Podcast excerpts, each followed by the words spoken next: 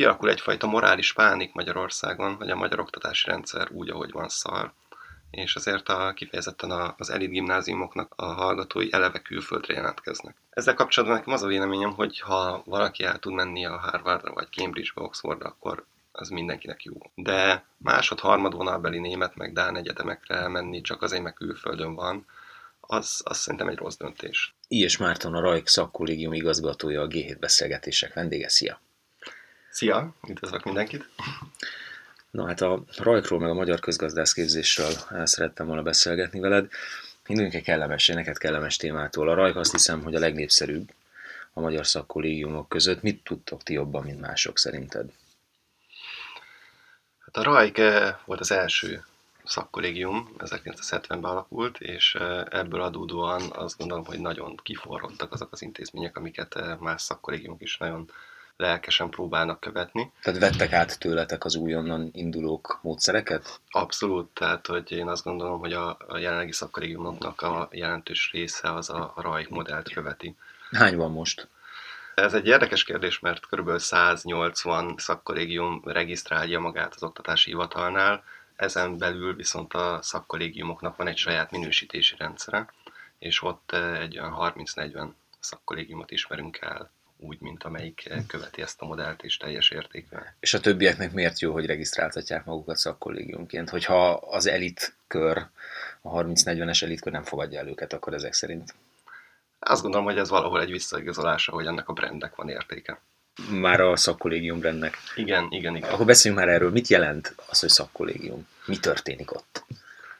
A szakkollégium és itt a kifejezetten a RAIK modellről beszélek, ennek a kulcskérdés az, hogy a felnőtté válás szakaszában jelent egy intézményi hátteret a, a diákoknak, és az a különlegessége, hogy teljes felelősséget bíz a, a diákokra. Tehát amikor bekerülnek mondjuk a rajkba a első éves egyetemisták, akkor saját maguk is megdöbbennek, hogy itt minden szabály, ami alapján az életüket rendezik, azt saját maguk hoznak saját maguk döntenek a költségvetéséről az egész szakkollégiumnak. Ugye maga a rajknak egy kb. egy ilyen 60-70 millió forintos éves költségvetése van, tehát egy ilyen kis közepes vállalat szintű dolog. Azt a diákok osztják be, a diákok szerzik meg a pénzt nagy részt. Na, ezt akartam kérdezni, hogy felelősek a bevételi oldalért is. A bevételi oldalért is természetesen. És mit tudnak tenni a bevételekért? Dolgoznak, gondolom. Igen, dolgoznak cégeknek egyébként, tehát effektíve érdekes problémákkal megkeresnek minket vállalatok, amiken eh, diákcsapatok dolgoznak, és a kapott bevételnek egy része az a, a kollégium kasszájában landol. Tehát ez egy terméketek, mondhatjuk azt. Mondhatjuk azt. Vannak eh, nyilván szponzoraink, vannak eh, olyan eseményeink, amiket támogatnak. Több Nobel-díjas közgazdászt hívtunk már Budapestre, akiknek az előadásait nyilván szponzorálják cégek. Elég sok pénz jön az alumniból. A RAJK nagyon erős abban, hogy hogy ez egy életre szóló kapcsolat úgymond, és mondjuk az ilyen nevezetes évfordulókon az alumninak a jelentős része megjelenik. Természetesen van kollégiumi díj, tehát a diákok is hozzájárulnak a költségvetéshez, és van egy minimális állami támogatás is, ami a kollégium normatíva, ami minden kollégiumot megillet. És ami a 2000-es évek elejé óta norma, e, e, nem változott. E. Ez egy kellemes kérdéssel kezdtünk, akkor most fölteszek egy kellemetlenebbet. Nemrégiben volt egy beszélgetésem és uh, azt mesélte nekem egy ismerősöm, hogy amikor annak idején szakkollégiumok között keresgélt, akkor mindenki nagyon nyomta magát a Corvinuson, hogy engem válasz, engem válasz, kivéve a rajkot. És akkor megkérdezte egy, egy véndiáktól, hogy de miért? És erre az volt a válasz, hogy mert nekünk nem kell reklámoznunk magunkat. És azért ő nem ezt a szakkollégiumot választotta. A népszerűségeteknek szerinted mennyire van köze ahhoz, hogy azok a diákok, akik benneteket választanak, meg akinek egyáltalán a térképére kerül a szakkollégium, mint kifejezés az egyetem elején, pontosan tudják, hogy úgy egyébként is, de itt Magyarországon különösen nagy értéken a kapcsolatrendszernek, és ez egy tökéletes keltető, ahogy hát te magad is utaltál rá az imént, hogy itt van egy széles alumni hálózat, és azért az a magyar gazdaságot, annak egy jelentős részét különböző szektorokban dominál, nem is dominálja, de van, ahol dominálja, van, ahol érinti, és ez nyilván nagyon sokakat vonz Hát most sok kérdést kaptam. Kezdem a könnyebbekkel, hogy eh, hogyan reklámozza magát a rajk. És ebben valóban van egyfajta ilyen távolságtartás. Ugye eleve nekünk egy eh, különálló épületünk van az egyetemtől is eh, kicsit távolabb, És magának a rajknak van egy olyan beszippantó hatás, hogy amikor ide bekerülnek a diákok, akkor annyi minden impulzus éri őket, meg annyira erős a belső közösség, hogy kicsit kívülről nézve olyan, mint egy fekete lyuk, ahol eltűnnek emberek néhány évre, és akkor, és akkor csak magukkal foglalkoznak. És ebben van egyfajta olyan következmény, hogy, hogy mi tényleg kevésbé marketingeljük magunkat, vagy kevésbé vagyunk jelen az egyetem mindennapjaiban. Azért ez a példa, hogy, hogy nekünk nem kell, ez a típusú pökkendiség azt hiszem azért nincs meg most már a rajban, lehet, hogy a múltban volt ilyen is, de tény, hogy nem volt gondunk soha azzal, hogy, hogy van elég jelentkezünk. Tehát azért a versenyt már érzitek akkor is. Érezzük a versenyt, és a versenyt szeretjük is, ismerjük is, és ezért ez a válasz a másik kérdésre, ez a rajkmafia dologra, hogy ugyan erős kapcsolat köti össze a, a volt rajkosokat. Valóban van egy, egy közös nyelv, etika, értékrendszer, ami, amit eh, ezen a helyen eh, szedtek magukra. De ennek része nagyon erősen a, a, a versenyszellem. Úgyhogy a rajkosok azért nem egyfajta ilyen egymás segítő háttérhálózatként működnek, mert hogy egymással versenyeznek. Amikor összejönnek egy-egy ilyen eseményen, akkor tökre látszik, hogy, eh, hogy mennyire így egy ilyen kreatív, értékteremtő, de azért versenyző közeget alkotnak ezek az emberek. Igen, az ugye azt is lehet hallani, hogy sok munkához a rajkon keresztül vezet, vagy a rajkos kapcsolatokon keresztül vezet az út, ami nyilván nem jelenti azt, hogyha valaki egyébként nem tudom, nem okos és nem tudom mi haszna, akkor csak azért, mert rajkos volt, őt nem tudom, pozícióba teszik valahol, de hogyha valaki képességes, akkor azért ez egy nagy előny. Én legalábbis ezt hallom én általában azt gondolom, hogy egy gazdaságnak az egy fontos eleme, hogy sok ilyen hálózat alakuljon ki, amik ki megteremtik azoknak a... Tehát, hogyha egymást teljesen nem ismerő embereknek kell komoly értéket alkotni, akkor rengeteg költsége van a, a kapcsolatépítésnek. Hogyha egy eh, jól működő gazdaságban sok-sok olyan hálózat, meg olyan viszony van, amelyik eh, bizalmi közeget teremt, akkor, akkor ezek a költségek nem merülnek fel, és jobban tud minden működni. Az egy fontos dolog viszont, hogy mennyire zárt vagy nyitottak ezek a hálózatok, mennyire értékteremtőek, mennyire értékalapúak, mennyire etikusak ezek a hálózatok. Én azt gondolom, hogy a Rajke hálózat az ebből a szempontból kiállja a próbát, és igen, létezik, de nem gondolom, uh-huh. hogy mhm. ez bármilyen szempontból káros lehetne.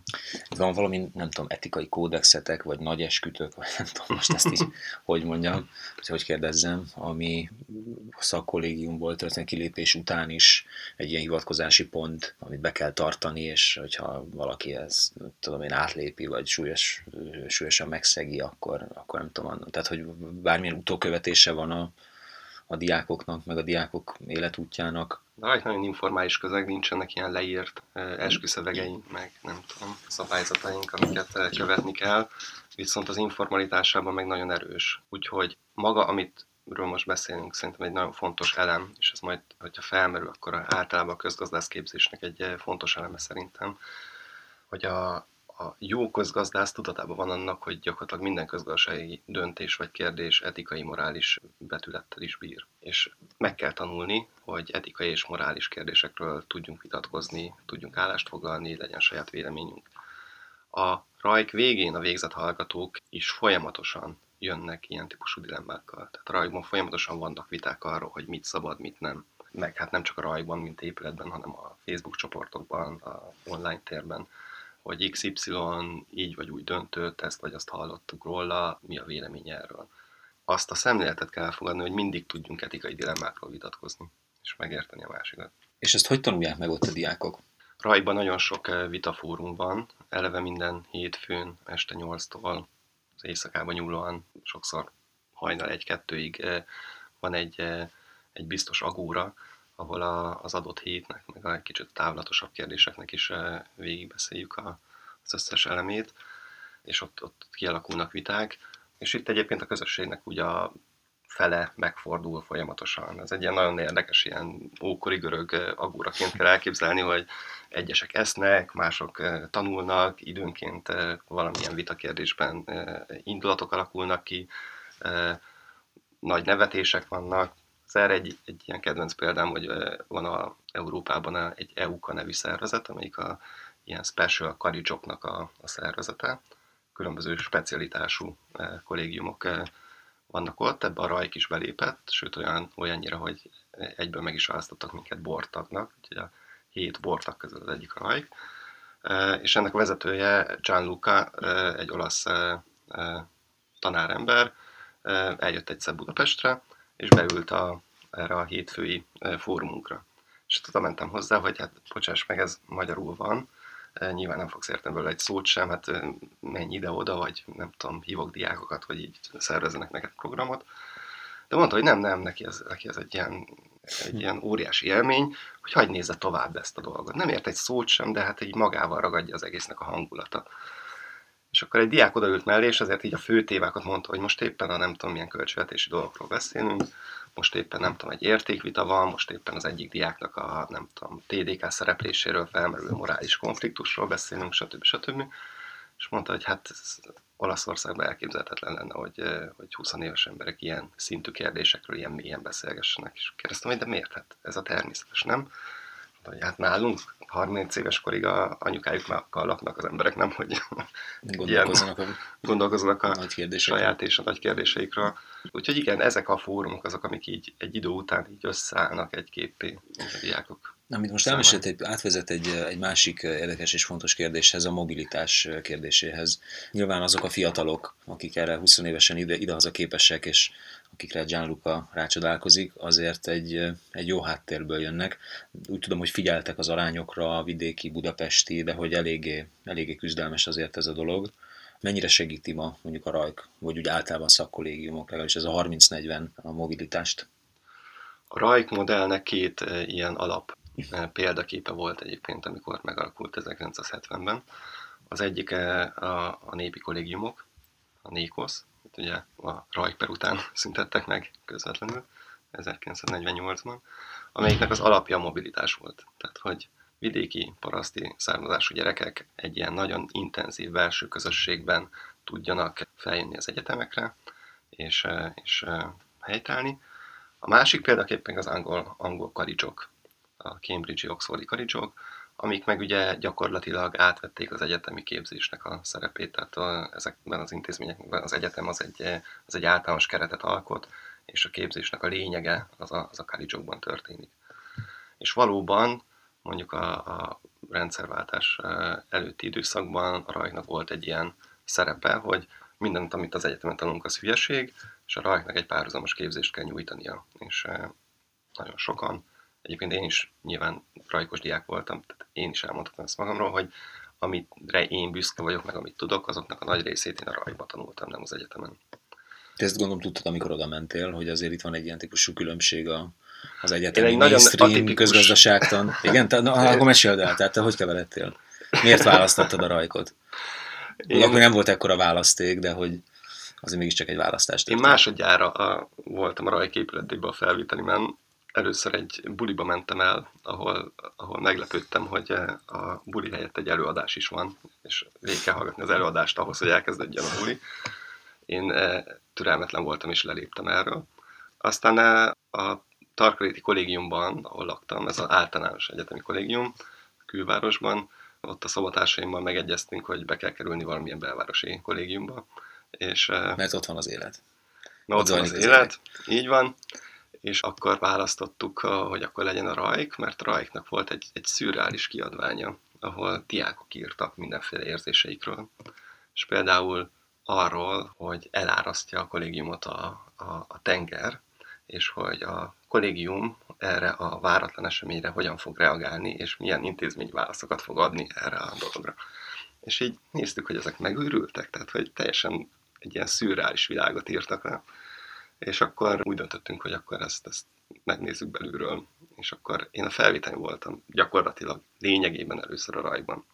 És akkor ez visszautalás a kérdésedre, nem, a hozzánk jövő embereknek egy része tényleg nagyon tudatosan és jól ismeri azt, hogy, hogy mi is a, itt az értékajánlat, de mi nagyon arra igyekszünk törekedni, hogy egy e, rajtnak az a, a modelljének a, a célja, hogy a, a magyar társadalmat minél szélesebben lefedje kicsibe. És arra teremtsen közeget, hogy a, nem tudom, Dombrádi boltosnak a fia és a budai elit fiú meg lány, azokat zárjuk össze egy szobába, és tanuljanak meg együtt élni, egymástól tanulni, együtt projekteket csinálni. Tehát nekünk nagyon-nagyon fontos, hogy mind a két irányból a mobilitásnak a, az embereit megtaláljuk. Mind a két irányban nagyon komoly eh, kihívások érték a rajkot az utóbbi időben. Az egyik kihívás az volt, amikor a állami finanszírozott helyeket jelentősen szűk, szűkítették a közgazdász képzésben, és egyébként döbbenetes módon a jelenlegi rendszerben azt látjuk, hogy az igazán anyagilag rászorultak, azok csak költségtérítésben tudnak bekerülni a képzésbe. Mert nem volt annyi nyelvvizsgájuk, nem, nem tudtak olyan pontokat szerezni. Igen, tehát a hátrányaik a tanulmányi eredményeikbe is lecsapódnak ezért. Tehát a felvételizőknél látjuk, mert lekérdezzük, hogy te most állam is vagy, vagy költséges, és aki nem rászorul, azok mind államisok, akik rászorulnak, azok költségesek. Ekkor a Rajk egyébként hozott egy olyan döntést, hogy kisvállalati támogatásokból egy ösztöndíj rendszert építettünk ki, amit már középiskolásoknak adunk. Ez a, Ez a Rajk tehetségprogram, ugye? Igen, a Szabó Kálmán tehetségprogram. Találtunk erre egy kevésbé kompromitáló nevet, és, és a... Tényleg a névvita, erről is beszélhetnénk egyébként, de bocsánat, fejezem. Érzékeny kérdés, igen. Hogy tehát középiskolások jelentkeznek, diákok döntenek a felvételről, rászorultság és ambíció, tehetség, szorzat a kritérium, és megítéljük nekik az ösztöndíjat, de csak akkor kapják meg, hogyha bekerülnek az egyetembe. Tehát kapnak egy ilyen plusz ösztönzőt is, hogy akkor viszont kerüljenek be az egyetemre. Szabó Kálmán tehetségprogramból egyébként elég sokan, aztán utána rajkosok lesznek, de semmilyen privilégium nem jár ezen kívül, tehát nem automatikus bekerülés. Minden esetre az alsó, tehát az ilyen rászorultsági mobilitásra van egy ilyen kiépített intézményünk, és ez jól is működik eléggé. Pár éve észrevettük, hogy a felső mobilitással is gondok adódhatnak. Kifejezetten a budapesti elit gimnáziumokból csökkentek a, csökkent a jelentkezőknek a száma. És az volt a feltételezésünk, hogy kialakul egyfajta morális pánik Magyarországon, hogy a magyar oktatási rendszer úgy, ahogy van szar, és azért a, kifejezetten az elit gimnáziumoknak a hallgatói eleve külföldre jelentkeznek. Ezzel kapcsolatban nekem az a véleményem, hogy ha valaki el tud menni a Harvardra vagy Cambridge-be, Oxfordra, akkor az mindenkinek jó, a világnak elsősorban, de még Magyarországnak is, meg neki személyesen pláne. De másod, harmad vonalbeli német, meg Dán egyetemekre elmenni, csak azért, meg külföldön van, az, az szerintem egy rossz döntés. Tehát ezzel a Corvinus szakkollégium kombó biztos, hogy versenyképes. Uh-huh. Tőlünk, a, a mi végzett hallgatóink közül nagyon sokan folytatják a tanulmányaikat, aztán PHD-n a legnevesebb egyetemeken, Berkeley, Harvard, Oxford, nem volt igazából komoly bekerülési gondja senkinek a, a rajkos képzés után. És bocsánat, a Dombrádi meg a budai fiú között nincs hatalmas kulturális, meg tudásbeli, meg szemléletbeli, hozott értékekbeli szakadék, ugye azt... A, a, hát ez a, az értékes, a, a, ezt keressük, a, ezeket a szakadékokat. Aha, de hogy, de hogy ez, ezzel ti ott két év alatt, három év alatt érdemben mit tudtak kezdeni, vagy ebből mekkora konfliktus van? Azt gondolom, hogy ez az életkor, ez még nagyon, nagyon hálás ebből a szempontból, de amit mondasz, az nagyon látszik. Én, eh, mint igazgató, ott ülök eh, minden eh, gyereknek a felvételén, ez egy 30 perces beszélgetés, a felvételi bizottság az 7 tagból áll, én vagyok az egyik, egy felnőtt szavazat van úgymond, és hat diák rendre leszavaznak, és nagyon látszik az, hogy a közoktatásból jövő gyerekek mennyire meghökkennek ezen a felvételi szituáción. Mi minden kérdésünkkel véleményalkotást várunk. Mi a véleményed arról, hogy? Mit gondolsz arról, hogy? És az egész magyar közoktatás tudás visszaadást vár el. Kifejezetten egyébként látszik, hogy mely iskolák azok, amik, eh, amik így felszabadítóbbak, és melyek azok, amik meg ilyen kockázatkerülővé teszik inkább a diákokat. És akkor egymondatos válaszokat mondanak, és látszik, hogy megnyugszik, mert hogy nem mondtam rosszat, csak az nekünk kevés. Mondjál valami érdekeset, jót, egyénit. És egyébként még az is megfigyelhető, hogy például nemi szerepek között is a magyar közoktatás mennyire megbélyegző. Kifejezetten a, a lányok kevésbé mernek véleményt alkotni. Hm. És aztán utána szerencsére a kollégiumban egy fél év alatt mindenkinek kinyílik a csipája, és, és, és megszűnnek ezek a gátak.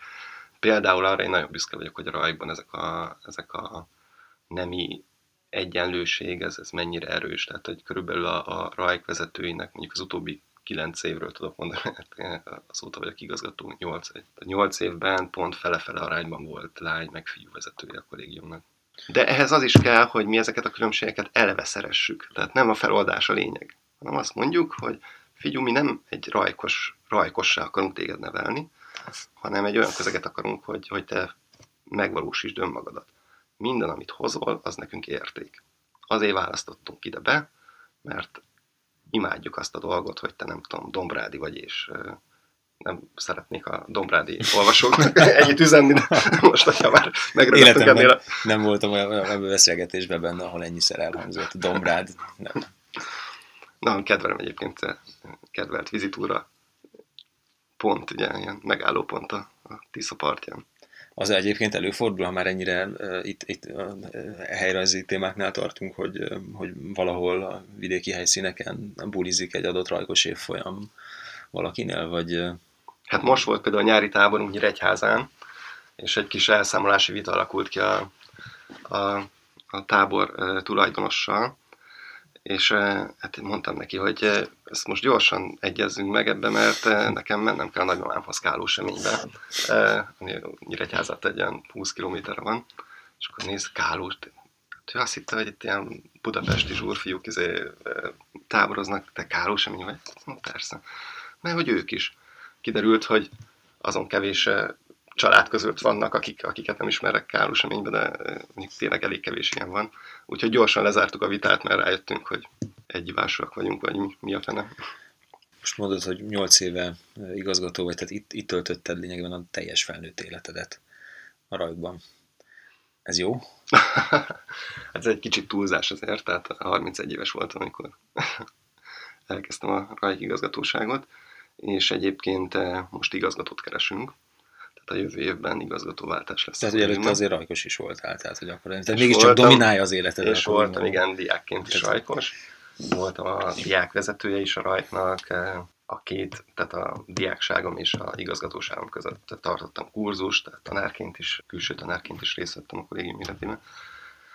Hát eh, én azt gondolom, hogy jó, tehát hogy nekem, nekem eh, teljesebbé tette az életemet, és, és azért nyilván nem is akarok a jövőben sem teljes szakítást ezzel a közeggel.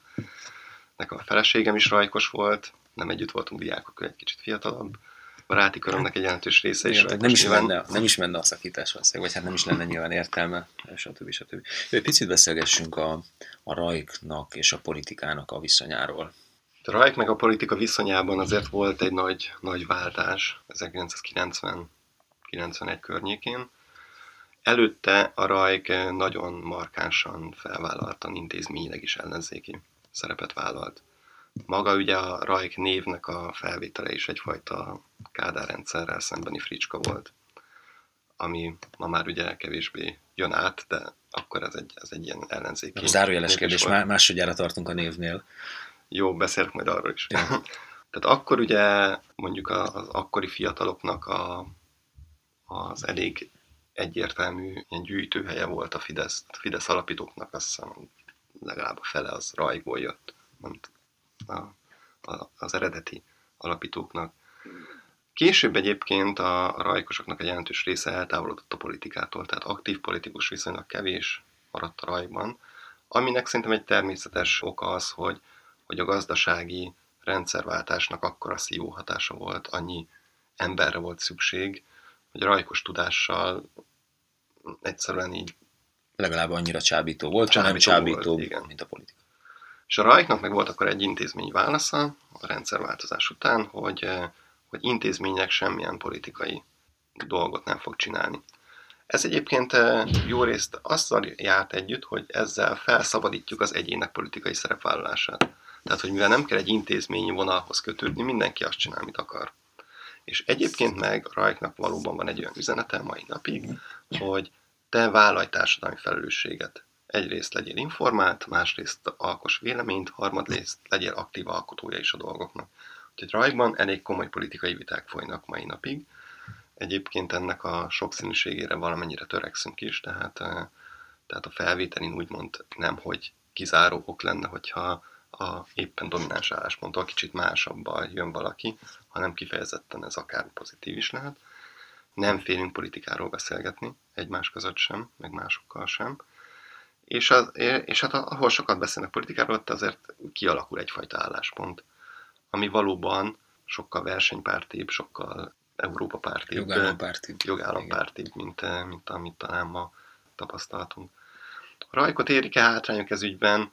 A, a rajk erre jött létre, tehát hogy értetlen a világ egy kicsit a, ahhoz képest, ami a rajk, és ez, ez szerintem természetes, és így van jó. És nincs nyomasztás rajtatok? Mi azért ezt, azt, azt hiszem, hogy kicsik vagyunk, tehát hmm. ilyen szintig ez nem, nem érezhető nálunk. És uh, szerencsére azért még uh, a rajba például eljönni előadni, az, az egy olyan uh, rangot jelent, hogy kifejezetten eljönnek a másik oldalról.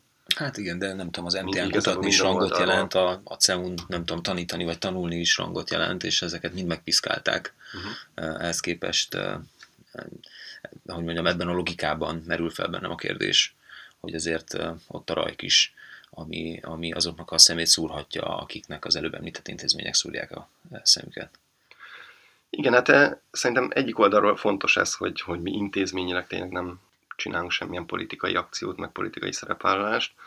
A diákjainkat meg ugye személyesen nehéz elérni. A másik, a, ahol viszont értek minket támadások, ez, ez kifejezetten a, a RAIK neve, nevével kapcsolatos dolog volt, ami, tehát nekünk rendszeresen leverik a táblánkat, rendszeresen érnek parlamenti interpelációk, hogy hogy történhet ez, hogy, hogy ilyen neve van egy intézménynek. Egyébként a RAIK névvel kapcsolatban rendszeresen van vita a kollégiumban, és pont, a, pont most egy ilyen névváltoztató vita közepén vagyunk egyébként. No, erről meg lehet tudni valamilyen nincs eredmény még, részletet? De, de, a shortlistet mondjuk. Ami ugye a Rajk név megtartása. Tehát volt egyszer 90-ben egy nagy vita, ahova végzett hallgatók és a, az akkori hallgatók is elmentek, és egy nagy vita volt. Aztán 90-es évek végén is volt egy nagy vita, az, ami már diákként részt is vettem, Mind a kettőn jelentős többséggel a név megtartása mellett szavazott a közösség. A fő érvek azok voltak, hogy akkor ugye ilyen névváltoztatási leházban égett az egész ország. Tehát mint, mint aki ki akarja törölni a, a korábbi történelmét a tudatából, és minden tisztalappal akart kezdeni. És még azt gondoltuk, hogy a történelmmel való kapcsolat az nem, nem ez a normális módja, hanem szembe kell nézni a, a történelmünkkel, értékelnünk, magyaráznunk kell azt egyértelmű, hogy mi Rajk Lászlót nem tekintjük példaképnek, nem gondoljuk, hogy ő egy jó ember lett volna, nagyon komplex személyiség volt egyébként, viszont egyértelműen rossz irányt képviselt Magyarország hosszú távú érdekei szempontjából. Nagyon tiszta személyiséget egyébként mondjuk a 20. századból nehéz is lenne előrántani, ez egy ilyen szar időszaka volt az országnak, ahol nehéz volt mondjuk ilyen fethetetlennek maradni. Viszont a Rajk meg, meg hű akar lenni a saját történelmihez. Az egyik ilyen névváltoztatási javaslat volt például, hogy a Rajk László szakkollégiumon elnevezett Rajk szakkollégium. Uh-huh. Tehát, hogy nem a Rajk mhm. Lászlóhoz kapcsolódik, hanem a, a 1970-től a mai napig tartó történethez. Én azt gondolom, hogy ez a Rajk, ez önmagában egy brand, ami, ami túlmutat már azon, hogy egy eh, gonosztevőnek egyébként ugyanez volt a neve. Picit mikrob szintre lépve nem a nagy politika és a rajk viszonya, hanem az egyetem, a Corvinus Egyetem és a rajk viszonya. Szerintem legalább ugyanilyen érdekes. Ott van az MNB a PHD programjával, ott van Lánci András, a kormánytámogató elméletek veletek nem érték azonos álláspontjaival. Mit tudhatunk meg erről a konfliktusról, vagy mi az, ami még a komfortzónádon belül elmesélhető ebből? Meglepő módon egyébként mikroszinten nagyon másként alakulnak a, a viszonyok. Nekünk például Lánci András eh, állandó tanárunk volt, és, eh, és kifejezetten erős, szoros kapcsolata volt vele a mindenféle politikai szerepvállása előtt is már. És szerintem egyébként a Corvinus Egyetemnek is egy ilyen nyugodt építkező időszakát fémjelzi az ő rektorsága. Magával az egyetemmel kapcsolatban nekünk ilyen hullámzó a viszonyunk, aminek eh, két dimenziója van. Az egyik az ilyen bürokratikus értetlenség, tehát az, hogy itt diákok döntenek a költségvetésről. A diákok így behoznak otthonról mindenféle foteleket, meg eszközöket, amiket eh, az egyetem vagyongazdálkodása szerepel el. Azért ez, bocsánat, de döbbenetes, tehát hogy nem tudom, 48 év alatt nem sikerült megérteni a kvázi anyaintézménynek, hogy ez hogy működik. Egyébként ez tényleg döbbenetes, és, és szomorúan egyébként azt gondolom, hogy, hogy eh, nem, nem fejlődik ebből a szempontból Magyarország. Van egy-egy olyan pályázat, amikor a, az uniós bürokrácia és a magyar bürokrácia egymást így összeszorozva próbálja meg eh, el lehetetleníteni a valódi értékteremtést.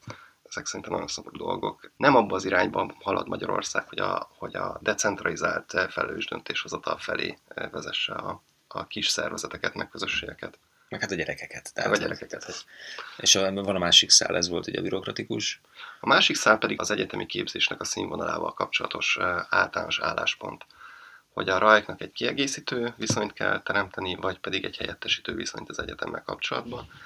És, és te mit gondolsz? Én azt gondolom, hogy az egyetemnek az a típusú nagyon sok ilyen gúzsba kötő szabályozással kell együtt élnie, kezdve a, a egyetemi oktatók fizetésének a szabályozásától, a létszámon keresztül, a, a gazdasági autonómián keresztül, tehát hogy mennyire ruházhat be például az egyetem tehetségprogramokba, vagy saját dolgokba, és sajnos emiatt a minőségi képzésnek nagyon komoly korlátai alakulnak ki a magyar felsőoktatásban, úgy általában is. A Cornus Egyetemnek az a, a régi-régi sajátossága, hogy, hogy úgy tud egy ilyen tömegképzést nyújtani, hogy azért ilyen nagyon magas színvonalú szakmai műhelyek fennmaradnak. Tehát a Corvinusra, hogyha elmész, akkor ott tudsz találni igazán minőségi tanárokat, meg képzést, de nem feltétlenül ez az alap. Igen, tehát azért ez, keresni kell. Azért, azért rendesen keresni kell, így van. Azért a Corvinuson nagyon könnyű elveszni diákként, és nagyon könnyű úgy végig járni az egyetemet, hogy elkerüljenek az igazán komoly lehetőségek meg. Nem vagyunk elég erősek ahhoz, hogy, hogy egy teljes helyettesítő portfóliót felépítsünk, teljes képzési rendszerrel hogy minden egyes tárgyban eh, mi Nyilván jobb nem erre, nem erre csináljunk. Ezért nekünk inkább egy ilyen kiegészítő és rating szerepet kell kialakítani, tehát meg kell mondanunk a diákoknak, hogy figyelj, ezt meg ezt a tárgyat vett föl, ettől meg ettől a tanártól, és akkor mi arra fogjuk építeni a kurzusunkat. De ha te is ezt mondod, gondolom a Corvinus is ezt szeretné, hogy inkább csak kiegészítők legyetek, tehát akkor azért olyan nagy konfliktus nem lehet, nem?